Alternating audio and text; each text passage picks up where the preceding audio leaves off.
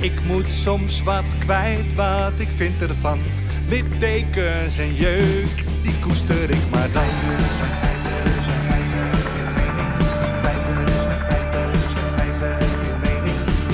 Duidelijk en luid. Riemen vast vooruit.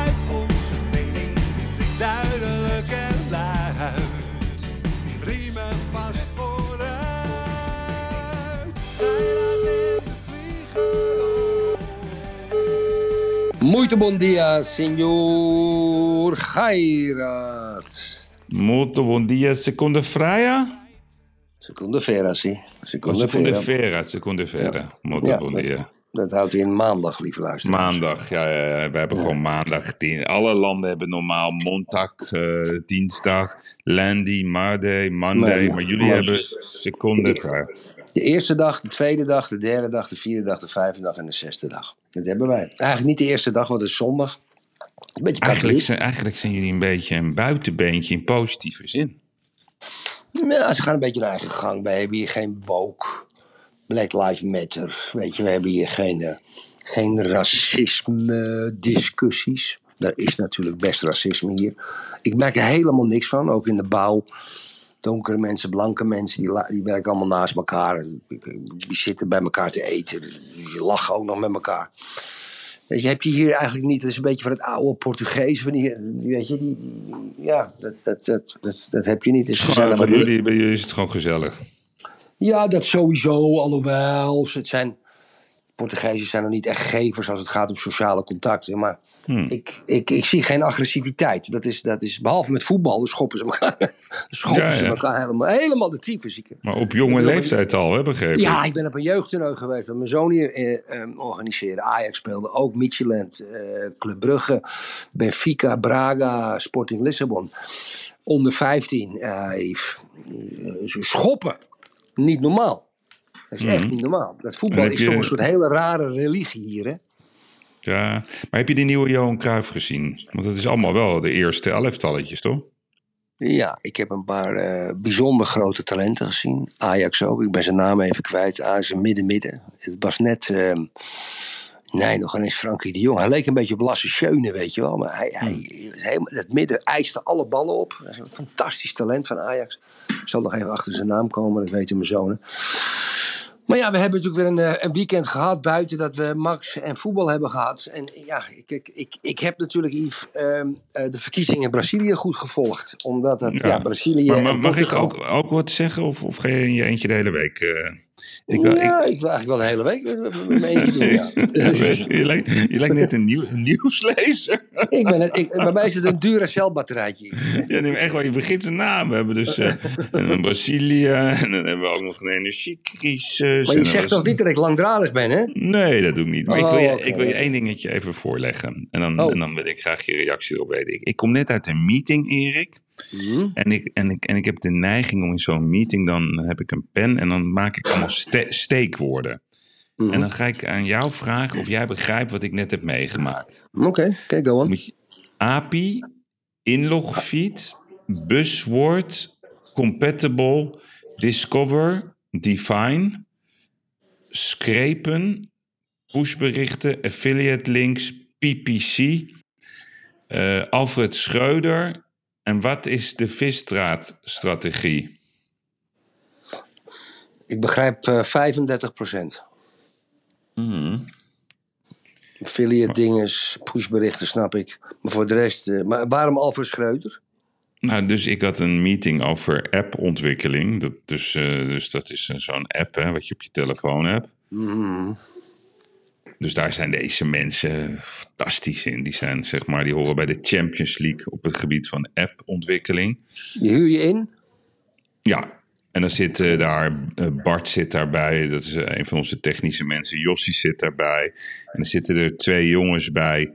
Ja, die, die kunnen zo uit zo'n film van, van, van, van Star Wars, weet je. Die, die weten precies hoe... Het is niet normaal. Die spreken met elkaar hun eigen taal. En dan Ja. vliegen al die woorden over de tafel. Alleen de, ba de baas van dat eh, bedrijf, dat is een... eh, die komt uit Tukkerland. Ja, en dan, dan hebben we het ook even over Alfred Schreuder. Want zij kennen natuurlijk Alfred Schreuder als geen ander. Mm. Dus zij zeiden geen nee toen ik zei Alfred Schreuder oud. Dat begrepen ze wel.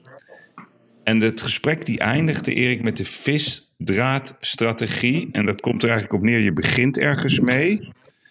En dan moet je kijken hoe je naar de over, overkant komt. Dat is de visdraadstrategie. Dus je moet eerst beginnen en dan moet je op zoek gaan. Ja, dat is het. Dat heb ik geleerd vandaag. Dat wou ik toch even met je delen, vriend.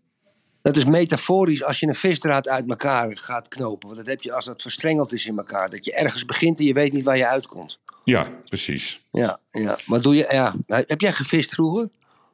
Nee, ja, één keertje of zo. Ja, ik, heb, veel gevist. Ja, ik, ik, hou er Zoetwatervissen, als het windstil is, vind ik heerlijk. Alleen je doppertje kijken. Maar ja, soms komt je hengel in de knoop, heb je visdraad en mensen gaan het aan elkaar knopen. Ik pak gelijk een mes. Ik snij de voorkant en de achterkant eraf. Die die twee kanten weer aan elkaar knopen. Hm? Probleem opgelost. Maar even metaforisch, ik vis liever op een andere manier. ja, die snap jij niet. Oké, Brazilië, Erik.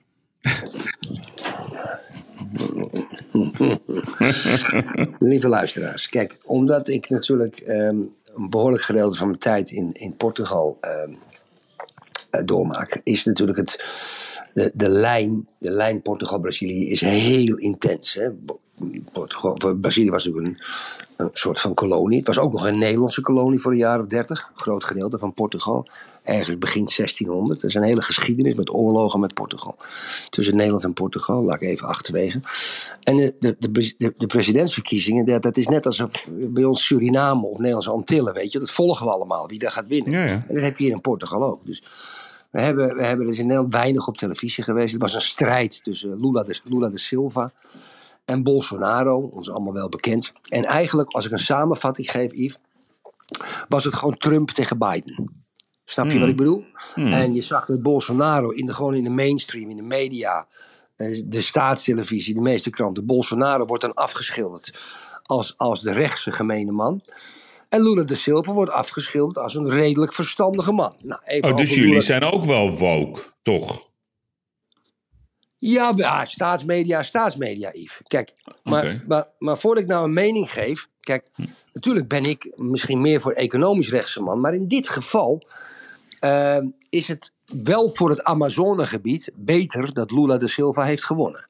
Hmm. Want Bolsonaro gelooft niet in klimaatverandering en trekt enorm veel industrie aan. En die industrie die kapt een enorm groot gedeelte van het Amazonewoud. En that's it. Lula de Silva is in 2017 gearresteerd.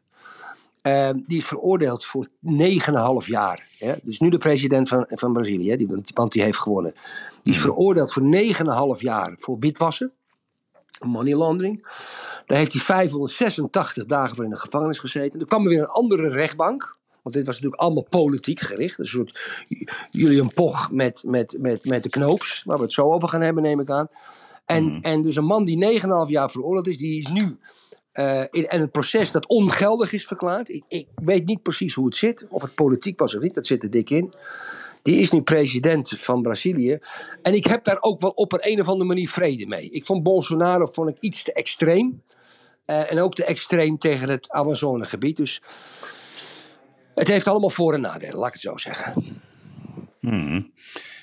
Maar is het, kijk, want het is best wel ver, hè? Ben jij wel jij bent neem ik aan ook wel meerdere ja, maanden zeker, in Brazilië ja, geweest. Ja, ja, precies. Ja, zeker, ja, zeker. Kijk, voor mij stond, ik heb altijd één, ik had een, ooit een zakenpartner in, uh, in Brazilië. En al, al, al, die Brazilianen hebben prachtige mooie namen. Hè? Ik bedoel, ja. uh, je zal maar Jair Bolsonaro, Lula da Silva, ja, Edson. Weet je nog wie Edson Arantes da Nascimento is? Weet je nog wie dat is? Nee. Dat is Pele. Dat is de, de, echte naam van Pele. Ja, dus, ik had hem ergens gehoord, ja, ja. Allemaal prachtige namen. Alleen die zakenpartner van mij, die zei altijd, ja, wat, ik, zeg, ik zeg, Brazilië is voor mij altijd vreugde, plezier, dans en de kleur geel. Hè? De kleur geel is toch voor mij het symbool van het Braziliaanse voetbal. Dat zijn toch mhm. de, de, de, die hebben toch een beetje het voetbal, vind ik, echt uitgevonden. Mm. Het, het Maracanã-stadion. Uh, Garinga, de tovenaar, zijn as werd uitgestroomd over het stadion. Ik zeg, als ik aan Brazilië denk, denk ik altijd aan plezier, aan vreugde en rust. En toen zei hij ook, ja, wij hebben nooit oorlog. Maar eigenlijk vanaf het moment dat Jair Bolsonaro daar de leiding had, werd Brazilië toch een beetje onrustig. En er is natuurlijk heel veel oorlog wel en er zijn natuurlijk heel veel problemen. Maar het beeld wat ik altijd van Brazilië had, was, was er eentje van vrolijkheid. Ja, Hè, ja, het maar- maar er is- carnaval. Ja, maar er is enorm veel armoede, er is Ja. enorm veel misdaad. En een van de dingen, die Bolsonaro, die was zo hard, die, die gaf eigenlijk ook zijn politie goedkeuring om af en toe in die favelas eens een keer goed huis te houden als ze een crimineel wilden pakken. Weet je, ze zullen allemaal wel een voordeel en een nadeel hebben, maar ja, ik heb maar één argument, dus dat die, die boompjes in het Amazonegebied hief, weet je. Maar zelfs in een land van armoede kan er heel veel plezier zijn. Hè? Dat is een heel rare Zeker. te- tegenstelling Zeker. is dat. Maar Zeker, ze zijn ook heel los met, met seks, hè, die Brazilianen. Dat is hetzelfde als vertel, een kun, je, kun, je dat, kun je dat iets meer uitleggen? Ja, Braziliaanse vrouwen, mannen denk ik ook. Maar Braziliaanse vrouwen hier in Portugal. Ja, dan maakt je niet uit of je getrouwd bent of, of dingen. Maakt ze geen reet uit. Dat is, seks is een, eh, is een, is een voor hun een soort, ja, het is een makkelijk consumptiemiddel. Daar, daar, dat, dat, is, dat is heel normaal dat je met elkaar seks hebt. En, en, en dat, dat, daar wordt, niet, daar wordt, niet, eh, eh, ge- daar wordt geen mo- moreel stempel op je voorhoofd gegeven. Ook voor die meiden niet. Die kruipen heel gauw met, met mannen in bad. Daar staan ze in bed. Daar staan ze bekend voor hier in Portugal. Ja, het zal wel. Maar we hebben ook tragisch nieuws hè, in deze podcast, hè, Yves? Ja. De dichter, van, de dichter van België vind ik hem. Ja. Hugo Kams is dood, dames en heren. Ja, ik, ik, ik, ik ken weinig mensen, Erik, waar ik zo enthousiast over ben qua schrijfstijl. Ik vind Hugo Kamps, eh, toch even, moeten we echt even bij hem stilstaan en hem eren. Dat is een van de allermooiste vrienden van de pen. Hij, kan, Ja. hij kon zo mooi schrijven, Erik. Dicht, dichterlijk. eh, ik vond hem altijd rustig ook, met zijn, met zijn mo- mooie stem, met het haar naar achteren. eh, zijn indringende blik, blik en vooral het vermogen om, om, om de pen tot grote hoogte te brengen. En, en hij is ons ontvallen en daar mogen we best even stil bij staan.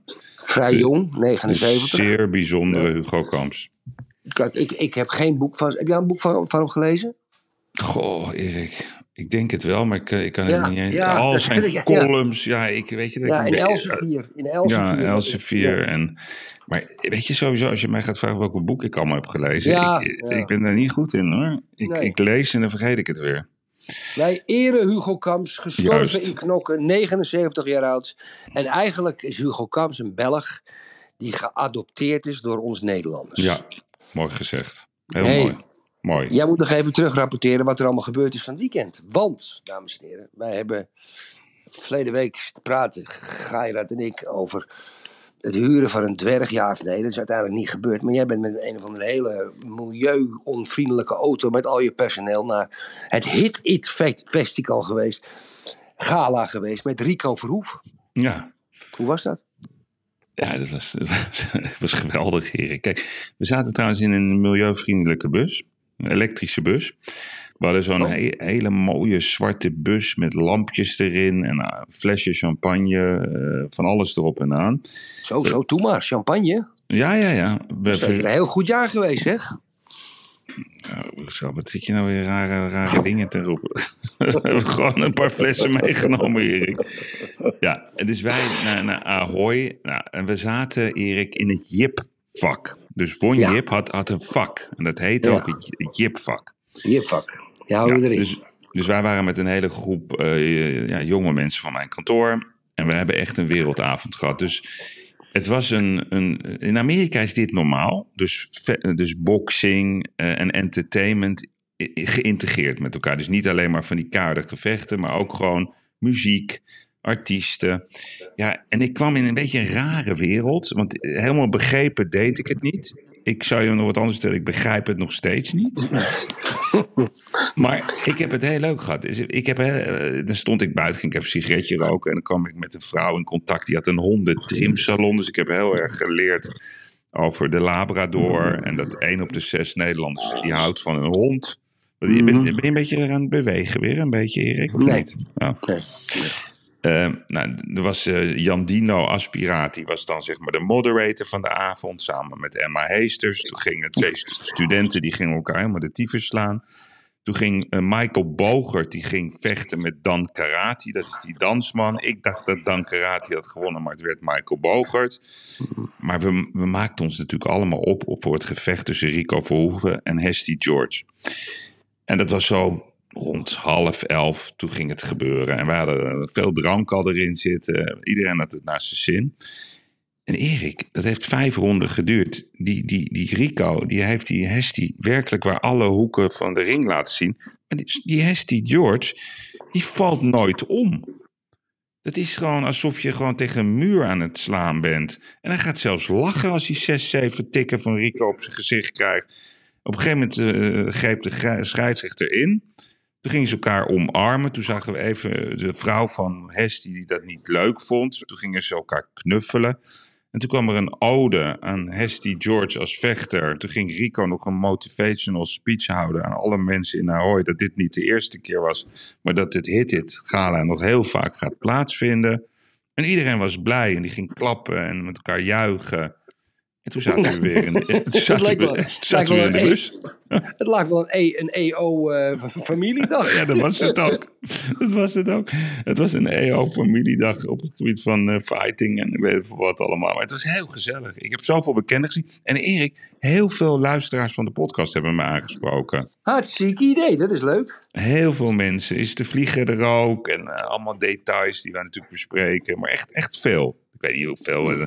Ik vind 15 mensen op zo'n avond vind ik veel. Zoveel waard. Ja, vind ik ook veel, ja. Dat vind ik ook wel. Ahoy, 6000 mensen, 7000 mensen. Ja, en dan liep ik in mijn cirkeltje. Dus ja, heel veel, heel veel gasten die ons volgen. Lekker man, lekker man. Het leuk om mee te maken, ik kan niet anders zeggen. Je, je noemde, net, uh, je noemde net Labrador. Mm -hmm. Het woord Labrador. En mm -hmm. uh, kijk, ik heb... Uh, ik heb, uh, er zijn twee dingen. Ik heb dit weekend twee Labradors op televisie gezien. Moet jij me misschien zeggen wat de grootste Labradors Ik heb Rick Nieman gezien. Hmm. En ik heb Twan Huis gezien met uh, Geert-Jan en uh, Dinges Knoop. Ehm, wat is voor jou, de, wie is de grootste Labrador van de twee? Wie lijkt er het meest op een Labrador? Rick Nieman of Twan Huis? Ja, dat is best wel een moeilijke vraag. Omdat in mijn beleveniswereld ehm, en hoe ik ook kijk naar de Labrador, is dat voor mij een ongelooflijke mooie hond met prachtige ogen, altijd kwispelend, uh, leuk, uh, goede mensen. Dus ik, ik, ik vind de Labrador vind ik een prachtdier. En als jij mij Rick Nieman noemt en jij noemt mij Twan Huis, dan denk ik eerder aan een Chihuahua. Uh, mm -hmm. ik, ik heb niet bij hun die associatie, want ik vind een Labrador heel erg leuk. En ik vind Twan Huis wil ik het straks even met je over hebben. Vind ik echt de slechtste interviewer van Nederland. Dat ga, ja. ik, ga ik straks ja. ook uitleggen waarom ik dat vind. Nou, ga maar uitleggen. Als ik even tussendoor mag zeggen, nog even over die Labrador. Even een kleine herkenning. De Labrador Retriever is een vriendelijke opgewekte hond. Van nature zijn deze dieren graag bij mensen en zijn ze niet eenkennig. Het ras is gemakkelijk te trainen en staat bekend als gehoorzaam wanneer ze goed zijn opgevoed. Twan Huis. Ja. Twan Huis. Twan Huis is heel gemakkelijk te trainen. En hij is heel gehoorzaam aan de staatsomroep. Nee, maar als ik aan Twan Huis denk, Erik, elk programma wat hij doet, dan is het eigenlijk altijd Twan Huis interviewt Twan Huis. Dus, dus hij, hij stelt een vraag, Erik, en hij ja. geeft antwoord op die vraag. Dan stelt uh -huh. hij nog een vraag en dan gaan die mensen ongeveer ja, een introotje doen. En dan gaat hij vertellen hoe hij het ziet dat gaat zomaar. Irritanter dan Twan Huis bestaat er niet. Maar, Hoe vind je dat? Ja, ik vind het echt verschrikkelijk. Mm -hmm. We weten natuurlijk van hem uh, dat hij Holleder in college tour had. Nou, met alle respect voor Holleder. ja, ja. Met alle respect voor Tagi, maar... Met alle respect voor Tagi. Nee, kijk, Holleder, ja, het is heel erg... Dat was zo grappig, dat interview. Dat, dat die jongen in de zaal, die gaat een vraag ja. stellen. En dan zegt hij heeft hij zijn huiswerk doen. Ja, zijn Amsterdamse... Heb je hem weer, zei hij. Heb je ja, hem weer? Heb je hem weer, ja. Ja, ga toch strafwerk maken. Ja, kijk, die, die heeft zo'n humor. Alleen, ja, je kan niet zo naar die man kijken. Maar dat hij dat toestond om Holleden, die werkelijk waar nog van alles werd verdacht, zo'n groot podium te geven, dat vond ik niet heel, zo, niet heel erg slim van Twan Huis. Ik, ik vond het ergste dat hij Anouk ging, uh, ging interviewen. Oké, okay, maar goed, dus dat, dat, ik vond het onbegrijpelijk. Toen hadden we het beroemde interview bij Buitenhof tussen Twan Huis en Siewert. Nou, wij wisten, wij kenden dat dossier. ja, nee, maar dat kenden wij zo goed. En dan mochten zij ook nog in zijn boeken kijken. En hij liet Siewert letterlijk en figuurlijk ontsnappen. En hij haakte niet aan op het moment dat Siewert zei: ja, Ik ga alles aan een goed ja. doel. En ik ga zo. Hij ja. bood zelfs het kankerfonds aan.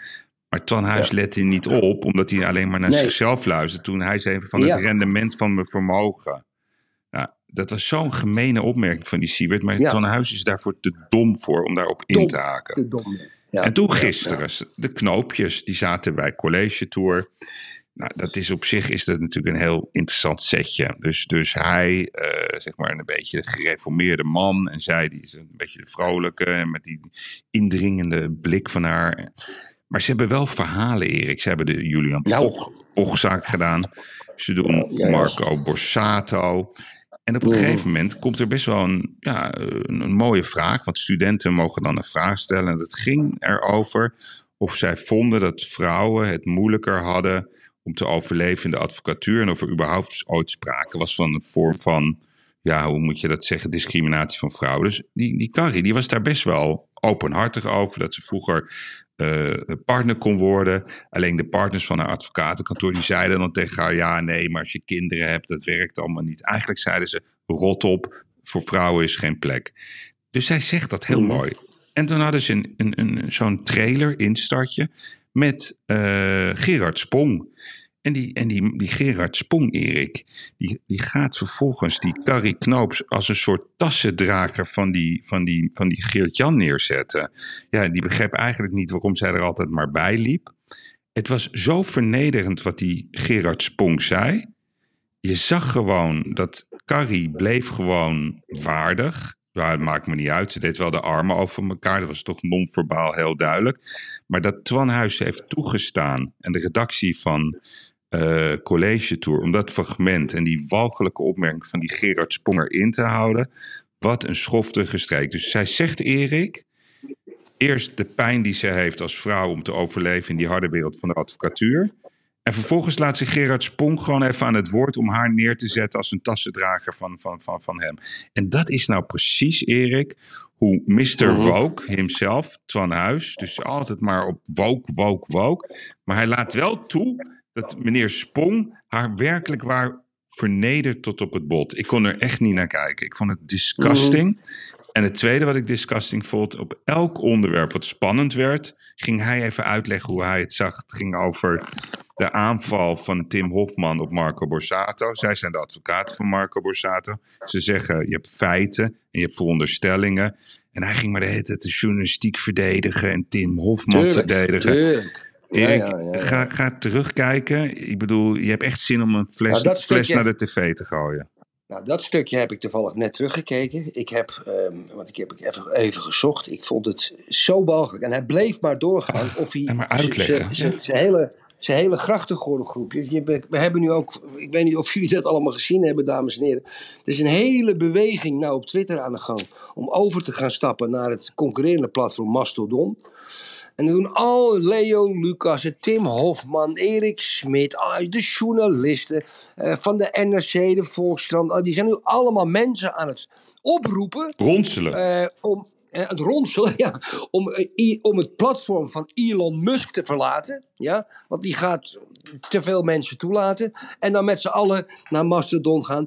Het is zo pijnlijk om te zien. Het is zo pijnlijk. Zo'n Tim Hofman. Ik heb hem net ook een kut tweetje teruggegeven hoor. Van ach kijk, mijn vriendjes van de gordel springen in de sloot. Dan spring ik ook maar in de sloot. Dan komt dat hele groepje, dat grachtengordelgroepje. Die gaan dan allemaal opeens allemaal hetzelfde communiceren. Die gaan opeens allemaal hetzelfde doen. Het is heel verdrietig om te zien. Kijk, en met Twan Huis, Yves, als ik even een kleine aanvulling mag geven. Ehm, kijk, hij heeft natuurlijk Stormy Daniels en Anouk geïnterviewd. En toen Anouk zei. eh, ehm, eh, soms moet er af en toe geneukt worden om hoger op te komen. Ja. Die gaf zo'n opmerking, keiharde opmerking, wat ze in de jeugd heeft meegemaakt. En als er geneukt moet worden, moet er geneukt worden. Nou, als, als jouw gast zo'n zo'n antwoord geeft en je gaat daar niet op door. Je, je- hij- geen enkele, hij keek een beetje geneukt, alsof hij niet wist wat het betekende. Ja? Stormy Daniels over het hele Trump-verhaal. Nou, Stormy heeft natuurlijk helemaal de excuus aan moeten bieden na een rechtszaak. Dat het helemaal niet waar is wat ze heeft gezegd. Daar heeft Van Huis niet op gereageerd. Maar hij heeft wel 50 minuten met een vrouw gezeten. Die allemaal assumpties heeft in de groep gegooid over Trump. Die helemaal niet waar blijken te zijn. Ja, ja, dat is natuurlijk de grootste journalistieke schande die je mee kan maken. En niemand die daar wat over zegt. Wat had jij, Niemand? als jij Stormy Daniels had mogen interviewen, wat had jij er dan gevraagd? Ja. Daar was je niet op voorbereid, hè? Nou ja, ik had, willen we- ik had willen weten de eerste keer. Oké. allereerste keer. Hmm. Ja, ik weet, wanneer, was het, wanneer nam je de beslissing om, om voor het eerst, hoe oud was je, waarom nam je de beslissing om in je eerste pornofilm te spelen? Daar ben ik heel benieuwd naar, want dat is, dat is een heel zwaar moment. Dat is zelfs als prostitutie. Ja. Als een vrouw, eh, eh, eh, elke, elke pros- prostituee heeft haar eerste keer gehad Ja, voor geld. Ja, Wat voor omstandigheid dan ook. En ik ben altijd heel benieuwd wanneer die eerste keer nou precies was. En, en, en waarom en hoe oud. En de, de, de familie en de omstandigheden. Wat is, er, wat is er gebeurd? Want als je dat weet, kan je ook een heleboel voorkomen. Hè? Ja, ja, klopt. Maar weet je wat Heel veel ellende voorkomen. Maar even over dat mastodon, hè? Want ik, ik, ik zit Ja. daar even over na te denken. Kijk, weet je wat ik nou... Het is prima, weet je. Als ze, als ze daar niet meer in geloven in Twitter, prima. Freedom of speech. Maar weet je wat ik dan moedig zou vinden? Dat ze dan ook de moed hebben om te zeggen... Ik stap van Twitter I- af. Dan moet je ook... je- Precies, close. Ja, ja, dan... Maar dat doen ze niet, hè? Spijker op zijn kop wat je nu zegt. Mm. Met compliment. Ja? Ze gaan allemaal zeggen dat ze eraf gaan. Ze blijven allemaal kijken op Twitter. En ze heffen niet hun account op. Die, die, die, die walgelijke mensen. Maar dat is precies dat, dat van twee walletjes Walgelijk. eten. Altijd van Ja. twee walletjes eten. Nee, de makkelijke weg. De makkelijke weg, De ja. makkelijke- dan moet je ook stoer weg. zijn. Dan moet je zeggen, ik laat het Ja. nu lopen. Ik ga, ik ga me verbinden aan Mastodon. En het gekke is, weet je wat ik het rare vind? Kijk, de- die Musk, hè, ik, ik, ken, ik ken hem helemaal niet. Ik vind het fascinerend wat die man allemaal doet. Ik vond het geweldig, dat verhaal dat hij met die, met die, met die toilets zinkbak naar binnen kwam lopen. Maar hij zegt, A, zegt hij... Het is voor iedereen toegankelijk. Wat ik vind een heel erg vrij manier van denken. En B, hij wil ook nog de anonieme twitteraars opheffen. Nou, daar hebben we vorige keer een discussie over eh, gehouden. Ik ben in ieder geval voor, want dat, dat maakt het wat minder agressief. Maar ze zijn al helemaal bezig met het frame. Het woord extreem rechts is nog niet gevallen. Dat, eh, Ja, dat is een kwestie van tijd. Dat is kwestie van tijd. Het van- is weer dat willen deugen. En dat gaat gewoon... ik, heb wel al, ik heb wel al gelezen op Twitter dat, ze, dat eh, Elon Musk de zoon is van een. va- de vader he- had een. ehm van een gedurende apartheid een mijn. Nee, Oh, een mijn. mijn. Ergens een Oh, mijn. Met andere woorden, Ja, zijn vader heeft arme donkere mensen hij uitgebracht. is een sla Heb ik. Ja. Slavendrijver. Slavendrijver. Maar, Erik Smit, Tim Hofman, Leo Lucassen. Het is zo walgelijk. Echt waar. We zitten de hele tijd. Twee dagen lang. We gaan met z'n allen lekker naar Mos en Oog. Ik ben lid geworden. Ook, ze zitten op Twitter. Ja. Dus te vertellen dat ze lid zijn geworden. En dat wij dat ook allemaal moeten doen. en dan blijven ze op Twitter. Wat een koter zeg. Ja. Maar goed, even over Labradors nog even. Rick Nieman en Geert Wilders. Ja, dat, dat kan Rick Nieman helemaal niet aan, zo'n gesprek. Kijk, Nee, dus, dus, nee, dus, precies. Dus, dus, dus, dus Wilders, die heeft het er gewoon over het nu. Dus die zegt 2022. Zij- Hij zegt gewoon, mensen kunnen niet die energierekening betalen. Die, hij snapt dus niet dat als jij 3000 euro verdient... Wat best veel is, 3000 euro netto. En je hebt een huurwoning en je hebt die belachelijke energierekening. En aan de pomp word je ook helemaal leeggetrokken. In de, bij, de, bij de supermarkt zijn de prijzen ook disproportioneel hoog. Komt eigenlijk Wilders best met constructieve gedachten. Ja, maar dan zegt hij, ja, maar meneer Wilders, er is een pakket van 50, 70 miljard. Maar hij begrijpt niet het verschil tussen macro-economie en micro-economie. En micro-economie is nu, en dat je gewoon bij de kassa staat en dat er staat onvoldoende saldo. Die man, ja, dat komt gewoon niet binnen bij hem, Erik. Nee, nee, Het nee. komt niet bij hem Nee. binnen. En dan wil hij eigenlijk weer ja, over asielbeleid beginnen. Want ja, eh, dat, dat kan allemaal niet natuurlijk wat Wilders zegt. Maar dan zegt Wilders een keer iets heel goeds en iets heel links en iets heel nuttigs. Maar dat past natuurlijk niet in zijn frame. En dan weet hij het niet meer, Nee. Erik. Dan heeft hij geen idee Nee. wat hij moet zeggen. Nee, nee. Maar wat ik wel. Maar hij, hij krijgt natuurlijk wel opdrachten van Bertje Huisjes. Bertje Huisjes is de voorzitter van WNL. Maar Yves, er was iemand die had, ehm, die had eh, uitgerekend. ehm, die had de, de, de uitzending van verleden week gezien waar Edith Schippers zat. Hm. En die had de uitzending van Geert Wilders gezien. En die is gaan tellen hoe vaak Rick Nieman Edith Schippers heeft geïnterrupeerd en hoe vaak Wilders. Wat denk je wat de verhouding is? Mooie vraag. ik denk de verhouding, hè, dus niet het aantal. Ja, dus hoe vaak, hoe vaak is Edith Schippers geïnterrupteerd en hoe vaak is Wilders? Doe ik het op de gok. Ik denk veer, Je tijd is op. 14 keer Wilders en drie keer Schippers. Vier keer Schippers, 28 keer Oké, Wilders. 1 op 7. Ja. Ja, het is allemaal wat. Ja. Ja, dat, dat, dat, dat, krijgen ze allemaal ingefluisterd. hè. Dan komt er zo'n scriptje van tevoren. Je weet toch hoe dat gaat bij die programma's. De hele tijd maar interrumperen. Ja. Ja, ja, ja. Yves, mag ik een onderwerpje aansnijden wat een beetje eh, eh, onderbelicht is, is geweest in Nederland? Mannen, Kijk, Erik, lieve luisteraars. de tijd zit lieve- erop. Het is Even een prettige maandag voor Afronden. Björn Kuipers. Hè? Want die is er ook. Die moeten we wel blijven Oh, eren. was hij er al? Ja, daar was hij. Ja, dan heb je dan- goed gefloten, jongen, goed gefloten. Ik wil een artikel van de NOS pakken, wat eigenlijk een beetje raar geplaatst werd. En dan wil ik de eerste en de laatste alinea van voorlezen. Protest tegen aanleg waterbassins in Frankrijk loopt uit de hand. In het westen van Frankrijk zijn gisteren 61 politieagenten gewond geraakt bij een demonstratie tegen de aanleg van een waterbassin. 22 agenten raakten ernstig gewond. Ja? En 30 demonstranten raakten ook gewond. Dus even voor de goede orde. 61 politieagenten, 22 ernstig gewond en maar 30 demonstranten. Maar waarom? Waarom, kunt u allemaal denken? Nou, daar komt hij aan, de laatste alinea. De demonstranten vinden dat de belangen van burgers en de natuur ten onder gaan aan het belang van de boeren, die het schaarste water nodig hebben om hun exportgewassen te bejegenen. Ja.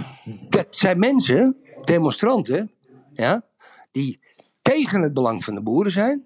Ja, en die 61 politieagenten verwond hebben, waarvan 22 ernstig gewond. Namelijk met molotovcocktails. Die zijn verbrand. Benen verbrand, armen verbrand, gezicht verbrand. Yves, daar wordt, daar wordt bijna amper aandacht aan besteed. Ja, ja. Dan zijn wij in Nederland met die. Wij lopen in Nederland, ja, de boeren lopen, rijden met tractors over, over het Vrijthof. Daar spreken we wel schande van. 61 politieagenten, 22 ernstig gewond. Yves, wat is dit? ja dat- En daarom zei ik ook tegen jou: dit is het begin. Hmm. Dit gaan we meer zien. De polarisatie loopt zo uit de hand. ja, dat, dat, dat Nou ja, noem je een maar- soort democratisering van geweld. Hè? Als het maar... eh, Democratisering van geweld. Dat luikje, maar dan aan de andere kant. Hmm. Hey Erik, ik moet je ook even de groeten doen van eh, Harma. Ik zal even voorlezen. Hoi Erik. Ja, die heb ik gelezen. Ja, ik moet hem even... ik, even... ik, ha- ik haal mijn neus. Nee, nee, haal- maar laat hem even voorlezen. Ik vond hem zo grappig. Ik luister vanaf Ja. het begin de gigs. Ik hoor dat je al heel lang verkouden bent, wat natuurlijk voor jou heel vervelend is. Maar ik wil je wel meegeven dat het voor de luisteraars van jullie podcast na zo'n lange verkoudheid van jou wel irritant begint te worden dat je elke keer ophaalt. Echt niet Is dat zo? ja, ik weet niet, maar echt niet fijn om te horen. Ik weet dat ik namens meerdere kapiteinen spreek. Ja, ik ben eerlijk en recht voor zijn raap, maar dat zijn jullie ook. Doe ermee wat jou goed lijkt. En ik denk wel dat je nu boos wordt als je dit leest. Maar een goed zakenman mag ook wel eens feedback krijgen. Waarvan acteer ik? Goed Harma. Nou, ik wil even, even voor de goede orde. Ik heb het aan jou gestuurd. Mm, Want Harma stuurde het aan mij. ja. En ik heb tegen Harma gezegd, dankjewel. Mm. Maar ik wist niet dat ik mijn neus altijd ophaalde tijdens de uitzending. Dat is toch niet zo? Nee, misschien bedoelt En mijn stem is mijn stem. Af en toe ben ik wel verkouden, maar ik denk dat het een beetje door het roken komt. Ja, ik, Maar goed, ik- Harma, dat Harma, ik ben in ieder geval blij dat Harma dat zegt. Ja, nee, oké, maar je moet, je moet eraan werken, Erik. Niks mis mee. hey, ehm, Max is de baas. Ehm, Zeker, en Max, zeker, en, zeker, Max was boos. Dat vind ik toch even interessant. Dus hij- die heeft eh, Ted Kravitz van Sky Sports. Ja. Die hebben zij genegeerd vanwege het continue bashen van zijn overwinning in 2021. Altijd maar dat gezeik over die Hamilton. Die Hamilton, Erik, die kan dus ook niet zeggen... Max was quicker. Die zegt altijd Nee. Red Bull. Hij- altijd Red Bull.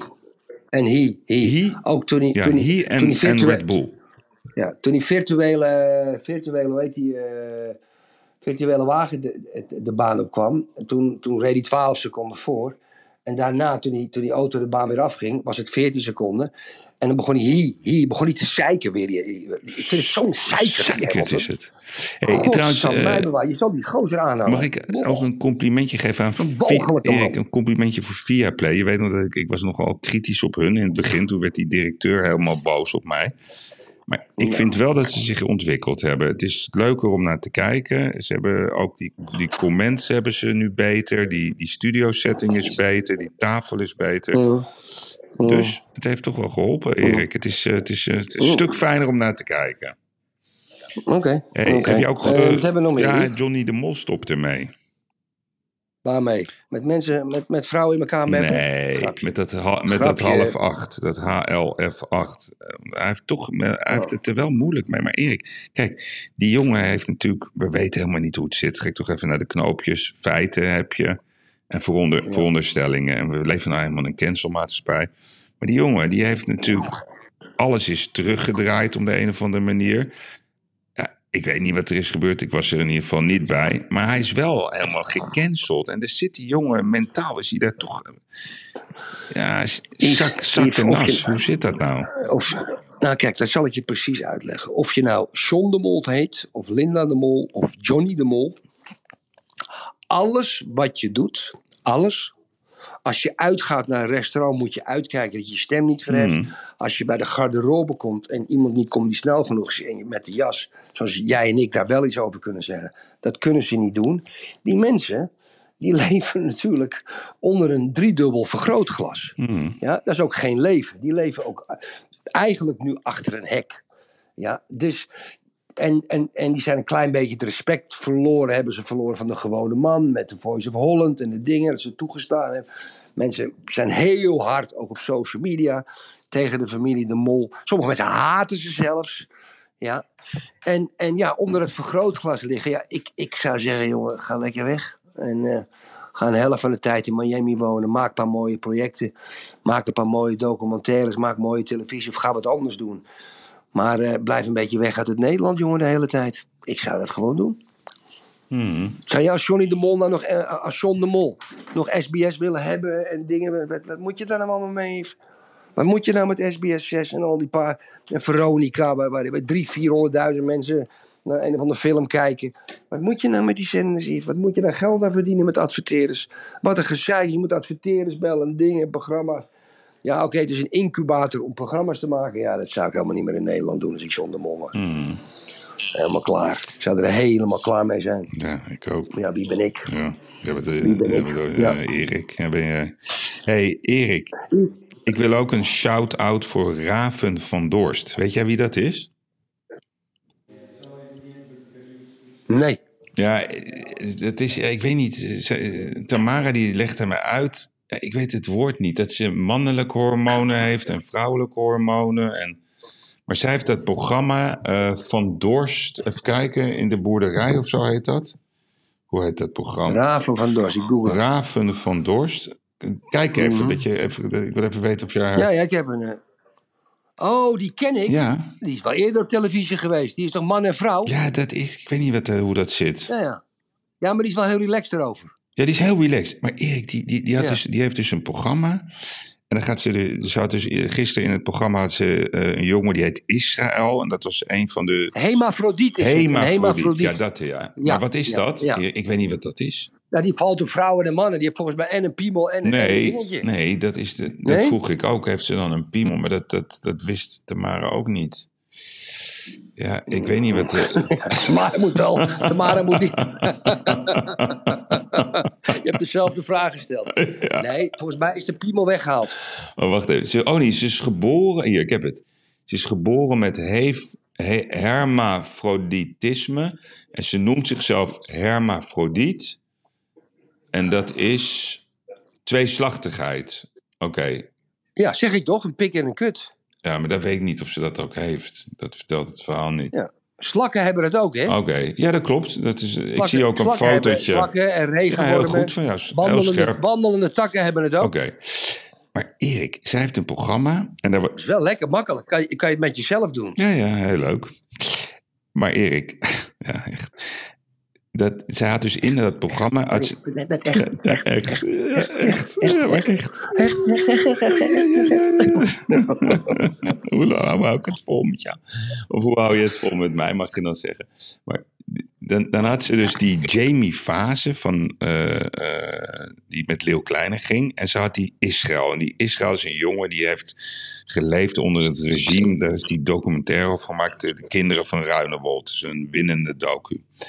Die man heeft de meest verschrikkelijke dingen. Maar hoe zij mensen interviewt, Erik.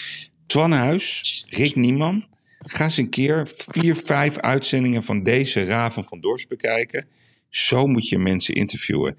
Zij luistert, ze is fucking scherp, ze hoort alles, ze heeft nergens een mening over. Ze gaat het gesprek aan op een manier top, top kwaliteit. Echt waar. Ik had nog nooit eerder naar een serie van haar gekeken of naar een docu. Ik was onder de indruk van haar manier van interview. Zo goed. En de gast, de gast komt bij haar tot zijn recht. Wat ook de bedoeling is. Fantastisch. Ik ga, ik ga vanaf nu genoteerd op haar letten en dat gaan de luisteraars Echt fantastisch. Yves, we zijn aan het einde gekomen, denk ik. Hè? Ja. Het zijn al bijna Ik ga 50 zo, eh, nee, 40 minuutjes. Erik, ik ga zo naar, eh, vanavond heb ik de, de lancering van de Quote 500. Oh, ga je er Ja, naartoe? is vanavond. Ja, zeker.